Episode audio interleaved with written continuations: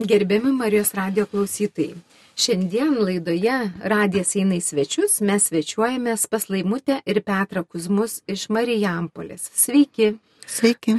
Gerą dieną. Noriu Jums pristatyti Laimutę ir Petrą kaip tokius labai kūrybiškus žmonės, labai kūrybišką porą. Jie jau 32 metai kaip susituokę, užaugino du vaikus ir abu yra kūrėjai. Petras labiausiai mėgsta medžio darbus, ir taip pat kelionės, gamta, kaip jis pats sako, padėk mane į kalnus ar į pelkę ir aš būsiu laimingiausias žmogus. O laimutė, kuria papuošalus mes gariešinės tapo.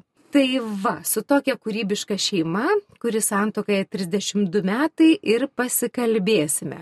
Norėjau paklausti Laimutė ir Petrai, o kokia jūsų yra pažinties istorija, kokia jūsų meilės istorija? Mes savo meilės istoriją, pažinties istoriją esame turbūt labiausiai daugiausia kalbėję per visus savo liūdėjimus, per visus susitikimus su sužadėtiniais ir porom, nes gana tokia neįprasta mūsų pažintis buvo, kaip vėliau mūdu pradėjom atsekti, tai buvo tikrai tik tai Dievo darbas, tikrai čia ne žmogaus sumanimas mūsų vesti. Mes susipažinom, kai tuokėsi mano draugė ir jo draugas. Čia Kaune ir mano pabrolys prieš tris dienas likus iki vestuvių atsisakė, kažkas atsitiko. Ir tada, neturėjęs kur dingti, jaunikis pakvietė Petrą man į porą ir va taip susipažinom. Tai buvo vasario 18 diena. Ar tai buvo meilė iš pirmo žvilgsnio? Man taip, jam nežinau. Petrai. Jis paslaptingas. Sunku ir pasakyti, bet man tai buvo savotiškai pati pradžia. Aš dar buvau studentas paskutinio kurso ir man tai turėjo daugiau įtakos tokios kaip kas pakvietė į vestuvės, o, smagu, linksma, reiškia, balius bus ir bus taip. smagu. Nu ir va, taip, kaip sakant, kaip dėl kažkokio intereso, vat, dėl to baliaus, aš taip galima sakyti liaudiškai, ėmiau ir nuėjau tas vestuvės. Dėl to smagumo. Dėl to smagumo. Taip. taip. Ir pamatėt laimutę. Nu, pamačiau, pamačiau tą laimutę, reiškia, man pribloškė vienas dalykas, tai kad ten buvo apsirengus pirmiausiai liaudiškas stilius. Aha. Kaip aš sakau, su kvarbatkėlėm tavo sionėlis buvo ir tavo visi apdarai ir va, tas dalykas buvo. O paskui per pačias vestuvės man labai vienas dalykas patiko, kad kai pradėjom šokti, tai taip smagu buvo šokti su ją, kad atrodo, kad mes jau senai su tą porą šokom. Valsą mes šokom. Tai va taip, jeigu trumpai. Nuo to valso, bet tada įdomu vis tiek, o kada jūs nusprendėt tuoktis, kada jau įsimylėjot laimutį iš karto, o Petrai, o jūs? Ar laimutė jau matau kažką sakysiu jau taip? Tikrai, žinokit, ta pora, kuri tuokėsi, tie mūsų draugai, jie panoro mus supažindinti artimiau. Ha. Ir Petrą atsivežė pas mane į Marijampolę. Petras tai yra kėdaniškis, atsivežė ir mes va taip pradėjom bendrauti ir paskui tas mūsų draugas, aš atsitraukiu, nes jau matau, kad ugnis įsižiebė, o jeigu bus kas nors negerai, aš nenoriu būti kaltas, aš nusiplaunu rankas ir jūs toliau žinokitės. Tai po penkiolikos mėnesių ir įvyko mūsų santoka ir jie buvo mūsų piršliai liudininkai. Nuostabu. Nuostabu. O kas lėmė, kad jūs sugalvojot, kad tikrai mes tuokėmės? Kokie, gal galite abu pasidalinti vienas esminis kažkoks dalykas ar keli esminiai dalykai? Aš iš savo, kaip visiems draugam, dabar galiu pasakyti, kad e, aš kažkaip ženijos, jeigu supras, kas rusiškai, radė sportyvno interesą. Aha, toks. Tais laikais mhm. aš pats nelabai supratau. Nu, va, mhm. pasiūliau, nežinau, kodėl pasiūliau. Nu, tiesiog Kažkokios akis buvo užpiltos man, nu, čia pana graži, lyg tai tinka man, bet aš nežinau, ar tos tikros, kaip sakant, tikros meilės. Aš net nežinau, žinokit, ar buvo. Gerai. Negaliu pasakyti. Čia aš mhm. atvirauju iš tikrųjų, bet dabar, kaip aš iš dabartinės laiko, galiu pasakyti, tai tikrai buvo Dievo veikimas. Tikrai. Mhm. Gerai, o laimutė, o kaip jūs, koks jūsų buvo vidinis motyvas? Aš labai tyrinėjau Petrą per mūsų tos 15 draugystės mėnesių, daug keliavom po Lietuvą ir aš žiūrėjau, kaip jis kalba, kaip jis elgesi su pagyvenusiais žmonėmis, kaip jis kalba apie savo tėvus, apie mamą, aplamai, kas jo viduje yra, nes buvau 26 metų, septintas ėjo ir aš jau esu iš savo giminės turėjus labai įvairių skaudžių skirybų, santokų mano pačios senelis ir močiutė labai sunku gyvenimą gyveno, nes tai senelis buvo alkoholikas ir labai skriaudė močiutė. Tai aš nuo vaikystės esu mačius labai skaudžių santokų ir aš labai, labai, labai tyrinėjau Petrą. Tai reiškia, kliūčių neradot kaip tokių esminių? Neradau, man atitiko viskas kaip sudėjus du delnus, pirštas prie piršto. Supratau. Gerai, jūsų motyvai abiejų man yra aiškus. Rusiškos frazės Petro tiksliai net negaliu išversti, manau, kad kas klausote, tas rasite, kas jums padės pasitikslinti. Bet dabar noriu paklausti, bet jau iš jūsų istorijos ryškėja, kad po to buvo įdomu tas jūsų šeimininis gyvenimas, nors kiek aš jūs vat neseniai pažįstu, tai yra taip smagu būti su jumis, kad iš to pirmo žvilgsnio atrodo, kad nei rutinos buvo, nei krizių buvo, jūs tiesiog esat nepaprastai laiminga pora. Nepaprastai laimingi žmonės ir atrodo, kad gyvenimo negandos jūs aplenkė, nes jūs kažką žinot. Bet suprasdama, kad tai tik tai atrodo greičiausiai, noriu paklausti, tai vis tik, ko daugiau buvo jūsų gyvenime - krizių ar rutinos? Jeigu suskirstyti mūsų gyvenimo laikotarpius, tai pradžiai buvo, aišku, povestuminis laikotarpis, tai buvo toks ir džiaugsmas, ir, ir tas jaunystės šėlsmas visas, kaip aš sakau. Paskiau pasidarė jau po kelių metų kitas laikotarpis, kuris atnešė savotiškų jau tokių biški kabliukų po visko. Taip. Kai gimė vaikai, nes mes gyvenom pas laimos tėvus, po vaikų gimimo atsirado kitas laikotarpis, kur buvo labai sunku derintis viską su uošviais mano. Tada pamatėm, kaip kas kiekvienas, kuo alsuojam, kuo kvepuojam ir tada, kada reikėjo viską tai suderinti tarpusavį, nors atrodė, kad visi savanoriški, labai geri, visko tik nori iš geros pusės viską, bet pasirodo, kad tai atnešė labai didelių problemų netgi ant galo. Net, pavyzdžiui, uošvė jie norėjo labai gero ir jūs abu norėjote gero ir vis tiek gavosi problemos. Labai įdomu, laimutė, ar jūs turit ką papildyti? Taip, mano tėvai yra praradę mano broliuką, tarp manęs ir sesės buvo broliukas ir jisai mėnesio mirė, mažutis širdies įda buvo įgimta ir jie taip laukė mano to pirmo vaiko, jie visą širdį atrodo, kad jie tarsi savo atgavo savo vėl vaiką ir iš tos dėlės meilės kartais net pasimdavo kaip savo. Ir tas labai buvo skaudu Petrui.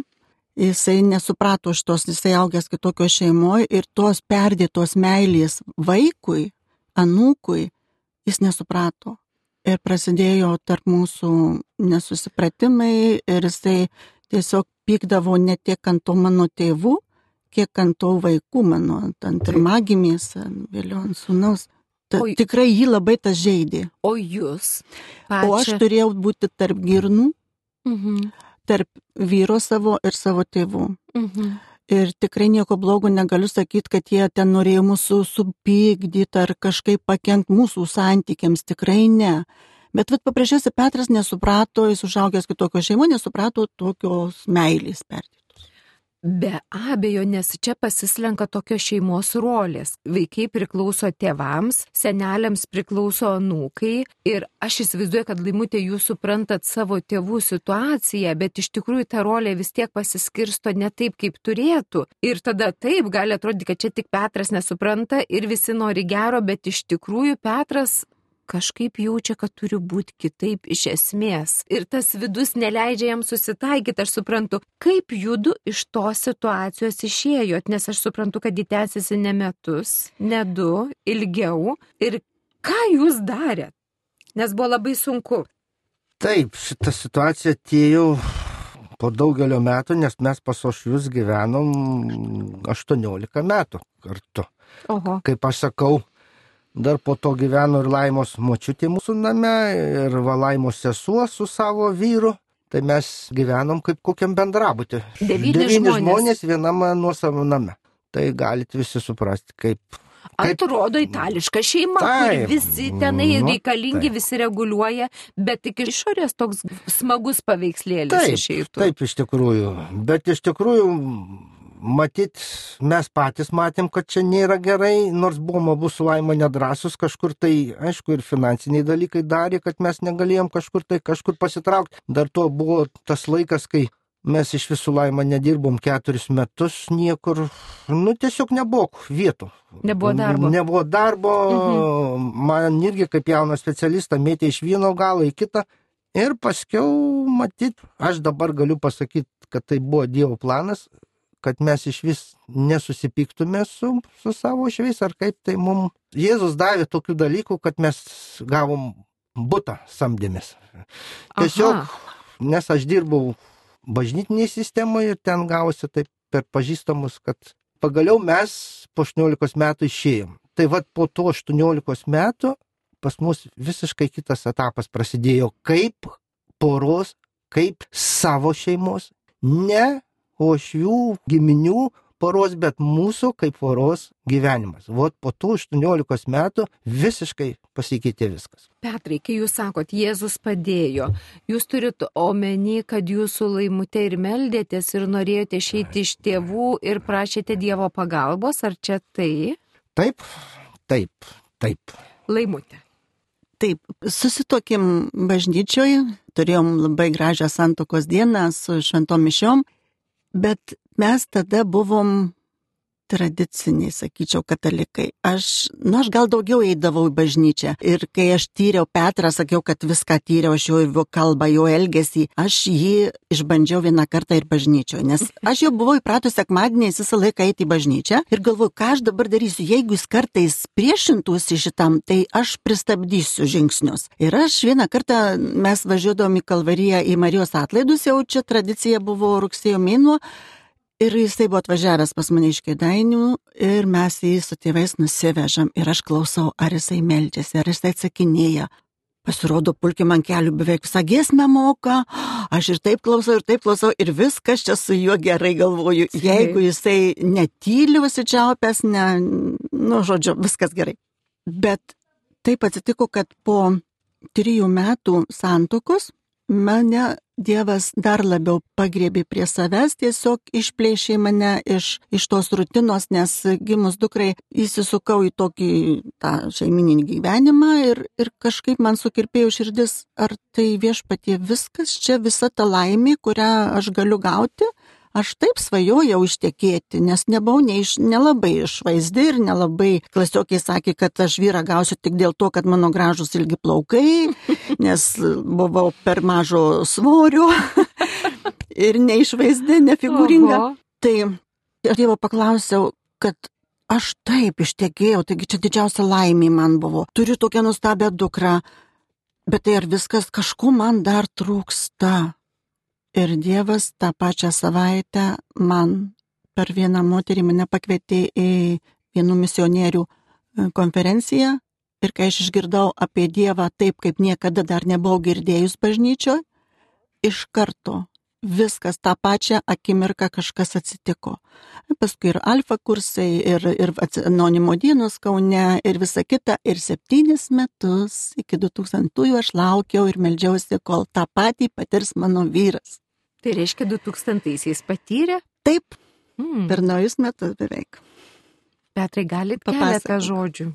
Pajokausiu, mano žmona Laima visą laiką sakydavo man po vestuvių, į ką tu žiūrėjai.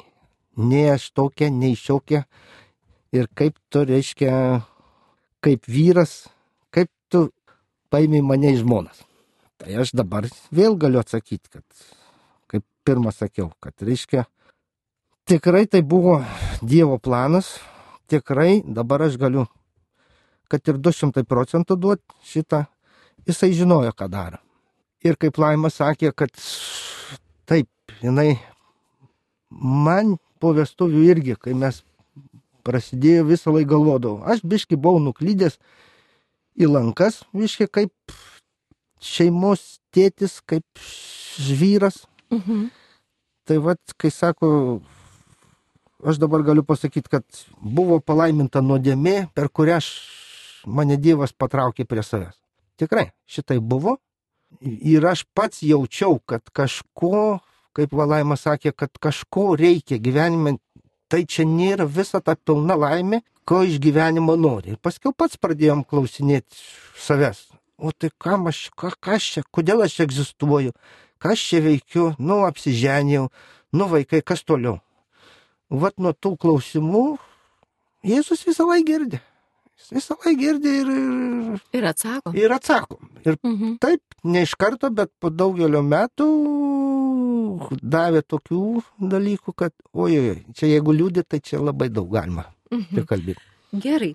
Aš dabar, kaip suprantu, kad jūs pradėjot labiau suprasti Jėzų kaip asmenį ir labiau tokio kalbėjimosi ne tik tarpusavėje, bet ir su Dievu atsirado. Ir kad jūs gyvendami kartu su uošveis, pavyzdžiui, buvo laikas, kai jūs buvote tradiciniai tie katalikai, paskui jūs samoningėjote ir vis tiek gyvenote su uošveis. Aš noriu jūsų paklausti, ar kuo nors skyrėsi tas gyvenimas ir santykiai gyvenant to itališkoje šeiminėlėje, kol jūs buvote netokie sąmoningi katalikai ir kai jūs jau buvote sąmoningesni? Ar kuo nors skyrėsi? Nelabai skiriasi, nes mes ir, kad ir buvom tie tokie paprastesni, šaltesni Mhm. katalikai, mes vis tiek gerbėm savo tėvus ir Petras gerbė mano tėvus ir kaip, kaip vyresnius žmonės, kaip mano tėvus. Ir mes tikrai nei žodžiavomis kažkaip, nei kitokiais ten būdais kažkuo tai keršinti ar kažką, ne. Tik tai buvo nesmagu, kad mes negalim kurti savo kaip po šeimos tradicijų, Arba pas jo tėvus reikia važiuoti, arba pas mano tėvus reikia švęsti šventės tam pačiam name. Mes neturėjom laisvės. Mes Mhm. negalėjom savo tokio lizdelio kaip po tokio kurti viską savo. Mhm. O kai atsivertim, tai labai su mama daug šnekėdavo apie tikėjimą, jinai labai daug meldėsi rožinį, jinai pati keitėsi ir buvo čia Kaune e, atsinaunimo dienose ir, ir, ir išgydymą gavo, ir, bet dėja mūsų santokai buvo tada septyneri metai ir ją pasėmė viešpats labai greitai per tris mėnesius. Mhm. Tai tada likom su tėveliu. Mano tėvelis buvo ir mano sesės šeima. Keturi žmonės jau. Vis tiek tas buvo, kad jūs makaluojatės ar ten sesė, ar, ar, ar, ar tėvai, ar seneliai, va tokiam katile. Tai dabar jūs man pasakykite, aš suprantu, kad ir tikinčiam žmogui tokiam katile yra sunku, nes turi turėti savo vietą ir kurti tą savo šeimą su savo ribom, su savo taisyklėm, su savo įsivaizdavimu ir su savo klaidom ir su savo pliusais. Tai noriu jūsų paklausti, ką jūs per tuos 18 metų 32, tai geras laikas, kaip jau jūs dabar gyvenate savo, savo ritmu, savo stiliuje. Ką jūs išmokot per šituos santokos metus, kas yra svarbiausia? Kas yra svarbiausia poroje, norint vat, ištverti ar su ošviais gyvenimą, ar suprasti, kad mes būtinai turim išsikraustyti ir, ir vat, stengtis išsikraustyti. Kas svarbiausia jūsų ryšyje? Buvo tikrai labai svarbus mano užsibrėžimas, kad nesvarbu, ką sakytų ant Petro mano tėvai, aš nesiskirsiu. Nesvarbu, nes aš nežinau iš kur, bet pas manyje, nu, turbūt Dievas įdėjo tą supratimą, tai yra nenormalu, kaip gali mūsų kas nors ryšiai nutraukti pašalinis. Mes tarpusavį, jeigu kažkas mums yra, tai mes sprendžiam, ar mums skirtis ar ne. Nes aš esu ir buvau girdėjusi savo, kaip sakau, tokia buvau labai visą laiką ir nuo paauglystės stebėtoja ir klausytoja, kad yra atvejų, kai porą išskiria tėvai. Taip. Ir man tas buvo nesuprantama. Ir staiga man lyg tai panašus atvejis. Ir aš galvoju, nu ne, nu negali tai būti, nu ne, Mhm. nepajėgs, nu mes sujungti ir, ir mūsų čia reikalas. Ir mes, tai buvo labai sunku, bet kad skirtis, tai ne. Dėl šito dalyko tai tikrai ne. Galėjau, jeigu būčiau neatsivertus skirusis dėl kito dalyko su juo, bet tik ne dėl to, kad, Ne kad dėl čia kišasi tėvai. aišku. Ne. Petrai, o jūs ką supratot? Kas svarbiausia jums poros ryšy buvo vat, per visą tą laiką? Aš kažką jaučiau, kad kažkas, kažkas kaip ir valdo, kaip ir kažką patarė, bet niekad iki tų, iš tikrųjų, savo 2000 metų aš niekaip negalėdavau vardinti, kad tai yra aukščiausiojo valia. Mhm. Ir dabar ką aš galiu pasakyti, jeigu tiesiai išviesiai, tai be trečio asmens, be Jėzaus mūsų tarpe, mūsų kaip šeimos tarpe, tas ryšys gal ir būtų nutrūkęs, nes tikrai buvo atvejai mūsų šeimoje, kai, galima sakyti, be Jėzaus mes tikrai gal būtume įsiskyrę. Jūs susipykote, ištiko jūs krize? Taip, ne tai, kad, ne tai, kad mes susipykom, bet čia yra mano daugiau kalti. Mhm. Jūs kažkaip pasielgėt labai netinkamai. ir- Netinkamai, taip, mhm. labai pasilgiau netinkamai ir, ir man tai atrodė, kad, nu, aš, nu, nežinau, kažkaip tai vat buvo toks va. Taip. Ir jeigu ne Jėzus, kuris veikia ir per mano žmoną laimą, ir jeigu neatleidimas, iš jos pusės tikrai mes būtume įsiskyrę. Mhm. Bet vat davė kažkaip tai tai, kad mes vienas su kitu suėjom, pradėjom aiškintis, šnekėjomės, įsišnekėjom ir viskas ėjo per mano atgailą. Aš mačiau, kad tai yra, aš nenoriu taip, kad būtų. Mhm. Mhm. Paprastas dalykas. Ir kai tik tai įsileidži Jėzų į savo širdį ir tikrai nepaviršutiniškoj, o iš tikro širdies kalbėsi su juo, jis labai gerai girdi. Mes atleidimo tema labai mėgstam kalbėti su žadėtinėms ir liūdėti savo gyvenimu, kad išgyventi iki senatvės, iki mirties neišsiskyrus įmanoma ir kad atleisti net sunkiuose dalykuose įmanoma. Dažnai užverda su sužadėtiniais debatai. Tikiu. Aš kaip suvalkėti klausiu savęs, o kokia man bus nauda iš to, jeigu aš išsiskirsiu, keršinsiu, netleisiu. Nu, galbūt čia juokinga, bet, nu, tikrai, nu, nu, kentėsiu aš pirmiausia, paskui mano vaikai. Ir kaip gali neatleisti žmogui, kurį myli, kuris ateina ir tau kaip prie klausyklos kunigui išpažinti atlieka ir gailisi. Aš nežinau, kokios reikia būti širdies, kad netleistum.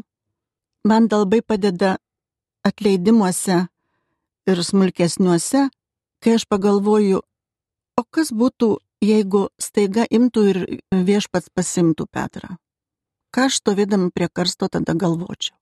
Tas mane labai supurto ir tada pasidaro, nematau jokių jo nuodėmių ir mano meilė dar daugiau padidėja. Aš gailėčiausi tikrai tų nekalbadienių ir tų susipykimų dėl nieko. Ir kitas dal dalykas, kas man padeda atleidime, tai pagalvojimas, ar ne aš pastumėjau į tą jo poelgį. Ar aš tikrai labai jau čia aukso gabalas, ar tikrai aš jau čia tokia šventa ir, ir jam tikrai gerai su manim, jeigu jis vat, kažką padarė, dėl ko dabar atsiprašinėja ir, ir, nu ne, nu reikia galvoti apie save, visada rodyti pirštus į save ir įrodyti, kad esi teisus ar išsaugoti santykius, kas yra svarbiau. Tai aišku, išsaugoti santykius. Ir dar ką šitoje situacijoje darytų Jėzus. Tai dabar paskutiniu metu man ypatingai, nors dabar jau tikrai mes esam antrą meilę išgyvenam, vaikai užaugę, mes apsišlifavę, bet visada, bet kokioje situacijoje, aš dabar vis pastoviai klausiu, o ką čia darytų Jėzus? Ar jis eitų, neitų, kalbėtų, tylėtų, prieštarautų, ne, ginčytųsi, ne. Tų krizių visokių mūsų gyvenime buvo ir atrodo tokios ir būtinių visokių viso, tokios smulkmenų ir atrodo dėl ko. Bet aš visą laiką save klausdavau, kodėl viskas darosi šitaip ir širdį visą laiką jausdavai, kad taip neturi būti, neturi šito būti. Ir svarbiausiai iš krizių išeiti, tai pirmiausiai atėjo toks laikas, kai aš save pradėjau klausti. Įėjo toks sakinys. Ar tu to nori? Išeiti iš to, kaip pasakau, brudo, į kurį esi įlindęs. Mhm. Vat nuo to aš ir pradėjau kilti. Paskiau, kadangi mes ėjom su tikėjimu, raštas, Dievo žodis ir per tai supratai, kaip reikia iš to išeiti ir tik per šitą dalyką. Nes kaip žmogus atleist, užmiršti nuoskaudas kažkokias ar, ar gailėtis, aš nepajėgus. Aš dabar klausausi jūsų ir girdžiu tokią nuostabę ir viltingą istoriją. Pirmoji dalis, va tas jūsų pasakas yra toks, kurį dažna pora patiria. Kad tenka ir pagyventi kartu su ar su tėvais, ar su uošveis. Ir e, kai tenka e, išgyventi va tokių sudėtingumų dėl to, kad tėvai kažką reguliuoja, ar sako, ar nori, ar prašo, ir nesinori jiem prieštarauti, nes numyli tėvus, jauti sąžinės priekaištus. Bet jūs atskleidžiat, kad tai vis tiek yra sunku ir per sunku net ir tikinčiam žmogui. Ir kad labai svarbu yra ieškoti savo tikros vietos. Ir kitas momentas, aš suprantu, kad gyvenant normaliai, gerai, va, susituokus, gimsta vaikai, ateini iki taško, kai galvoji, negi čia viskas, jau čia ta didžiausia santokos laimė ir supranti, kad kažkas čia ne taip, kažko čia trūksta. Ir aš suprantu, kad net suklydus jeigu atsiremi į tikėjimą į Dievą, kuris didesnis vis tik už mane ir už mano situaciją, tai tada gali rasti jėgų ir išminties ir meilės pamatyti kažkaip ne tik savo kimtą situaciją, bet truputį praplėsti žvilgsnį ir neusimti vien saviplaką, vien savigailą arba vien kito teisimu, vien tokiu kietumu, kad kažkaip gali išeiti iš šito ir tada vis tiek sukurti santyki tokį, kai dabar žiūriu jūs, apie kurį tikrai atrodo gali tik pasvajoti, kaip yra būti smagu su jumis, kaip matosi, kad jūs, nu, vienas kitam tikrai nebejingi ir laimingi ir e, apie tai galima tik pasvajoti, o kai pasiklausai, matosi, kokius kalnus ir pakalnės jums reikėjo pereiti. Ir aš žinau, kad jūs giruošėt sužadėtinių santukų ir šim, kad jums nepaprastai patiko ir supratau, kad tom sužadėtinių porom porom nepaprastai patiko jūsų buvimas su jais ir, ir tas, sakykime, darbas. Pasakykit, ką jums duodavo tas darbas su sužadėtiniais? Dėl ko tai patiko jums?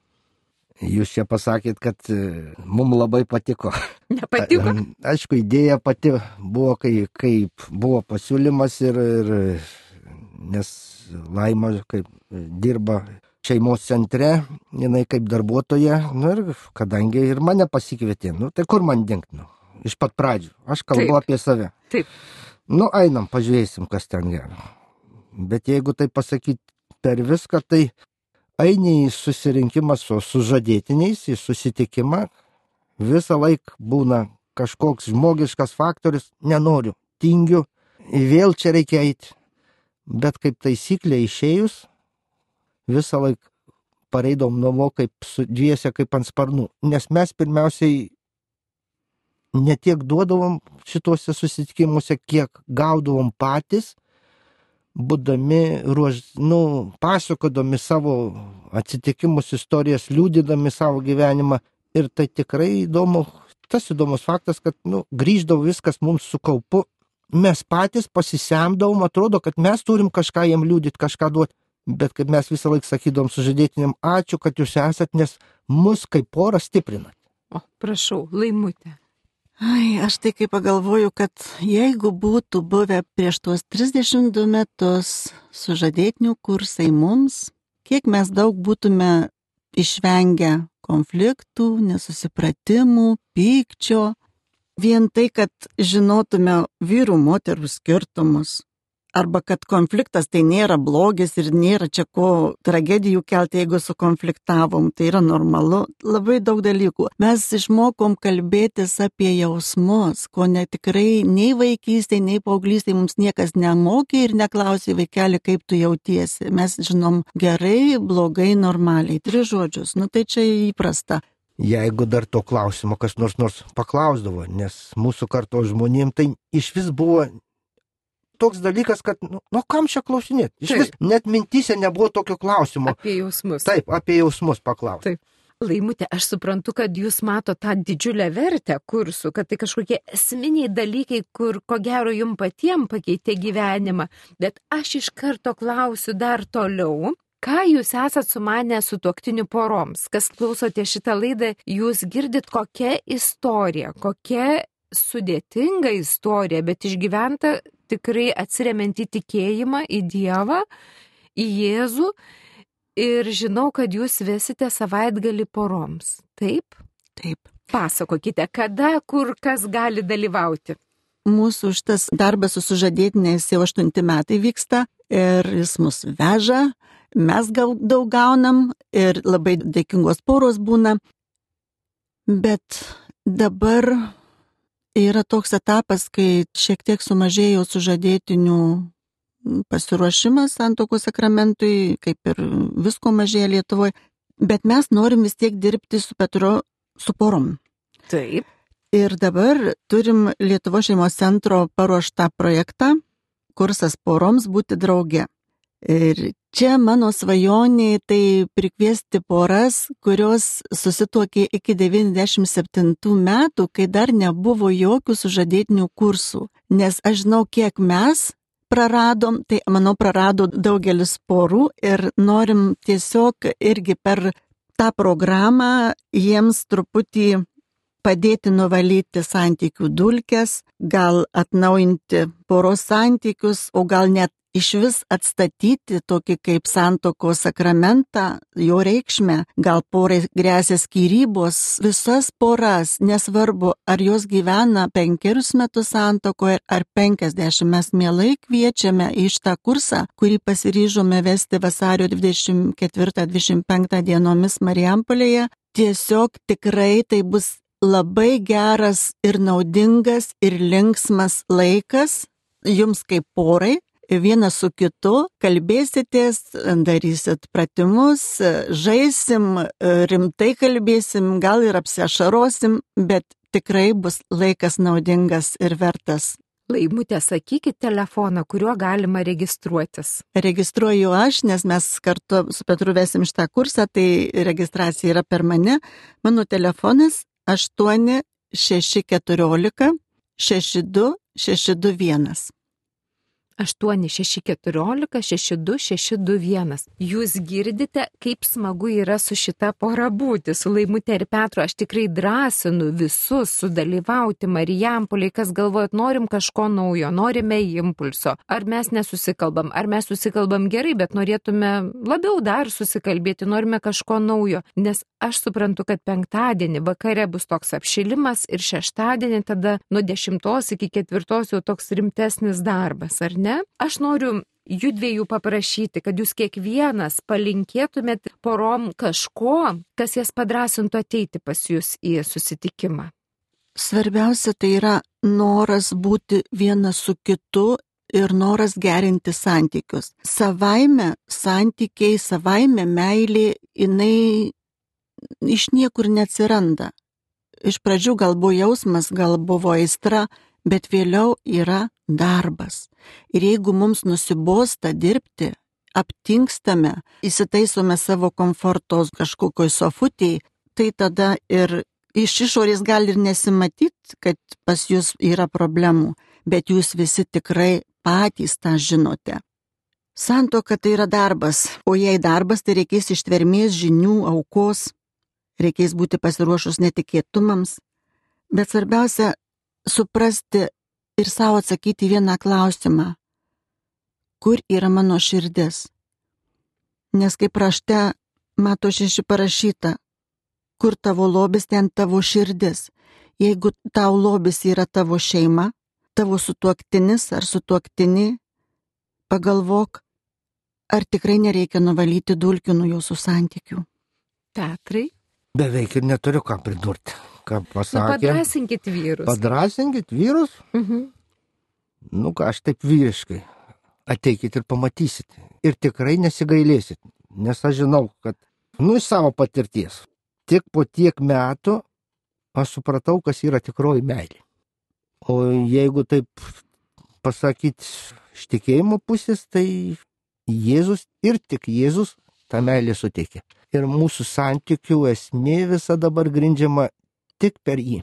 Taigi poros, ar jūs ruošiatės tuoktis, pavyzdžiui, sužadėtiniai, kurie nelankote bažnyčios, jūs galite ateiti šituos kursus. Poros, kurios susituokusios 50 metų, jūs galite ateiti šituos kursus. Poros, kurios susituokėte prieš 5 metus, jūs galite ateiti šituos kursus. Ką jie duos? Pirmiausia, bus žemiški pokalbiai apie gyvenimą, bet taip pat jūs suprasite ir atrasite, prie ko čia Dievas. Nes mums vis iškyla klausimas, kai gyvename, ne, nu, mūdu sutarėm, mūdu nesutarėm, nu, prie ko čia Dievas, o jau laimutė su Petru žino prie ko ir tikrai galėsim atskleisti atskleisti ir šitą tokią mistinę pusę. Bet pirmiausiai pradžia bus tokia labai paprasta, labai įdomi, labai praktiška ir tiesą sakant labai naudinga. Taigi esat nepaprastai laukiami Marijampolėje vasario 24-25 dienomis. Dar pridursiu, prašė vyrus paraginti.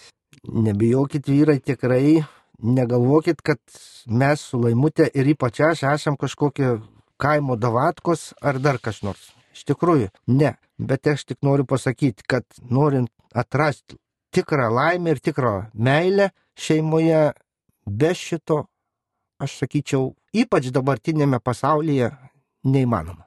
Be tikėjimo neįmanoma. Taip. Gerai, gerai. Dėkoju Jums už pokalbį, Laimutė, Petrai, ačiū labai, kad atvykote. Ir atsisveikinam su Jumis, mėly Marijos radio klausytojai. Laimutė ir Petra Kuzmus iš Marijampolės kalbinu aš, Violeta Vitkauskinė iš Lietuvo šeimos centro. Sudė. Su Dievu. Su Dievu.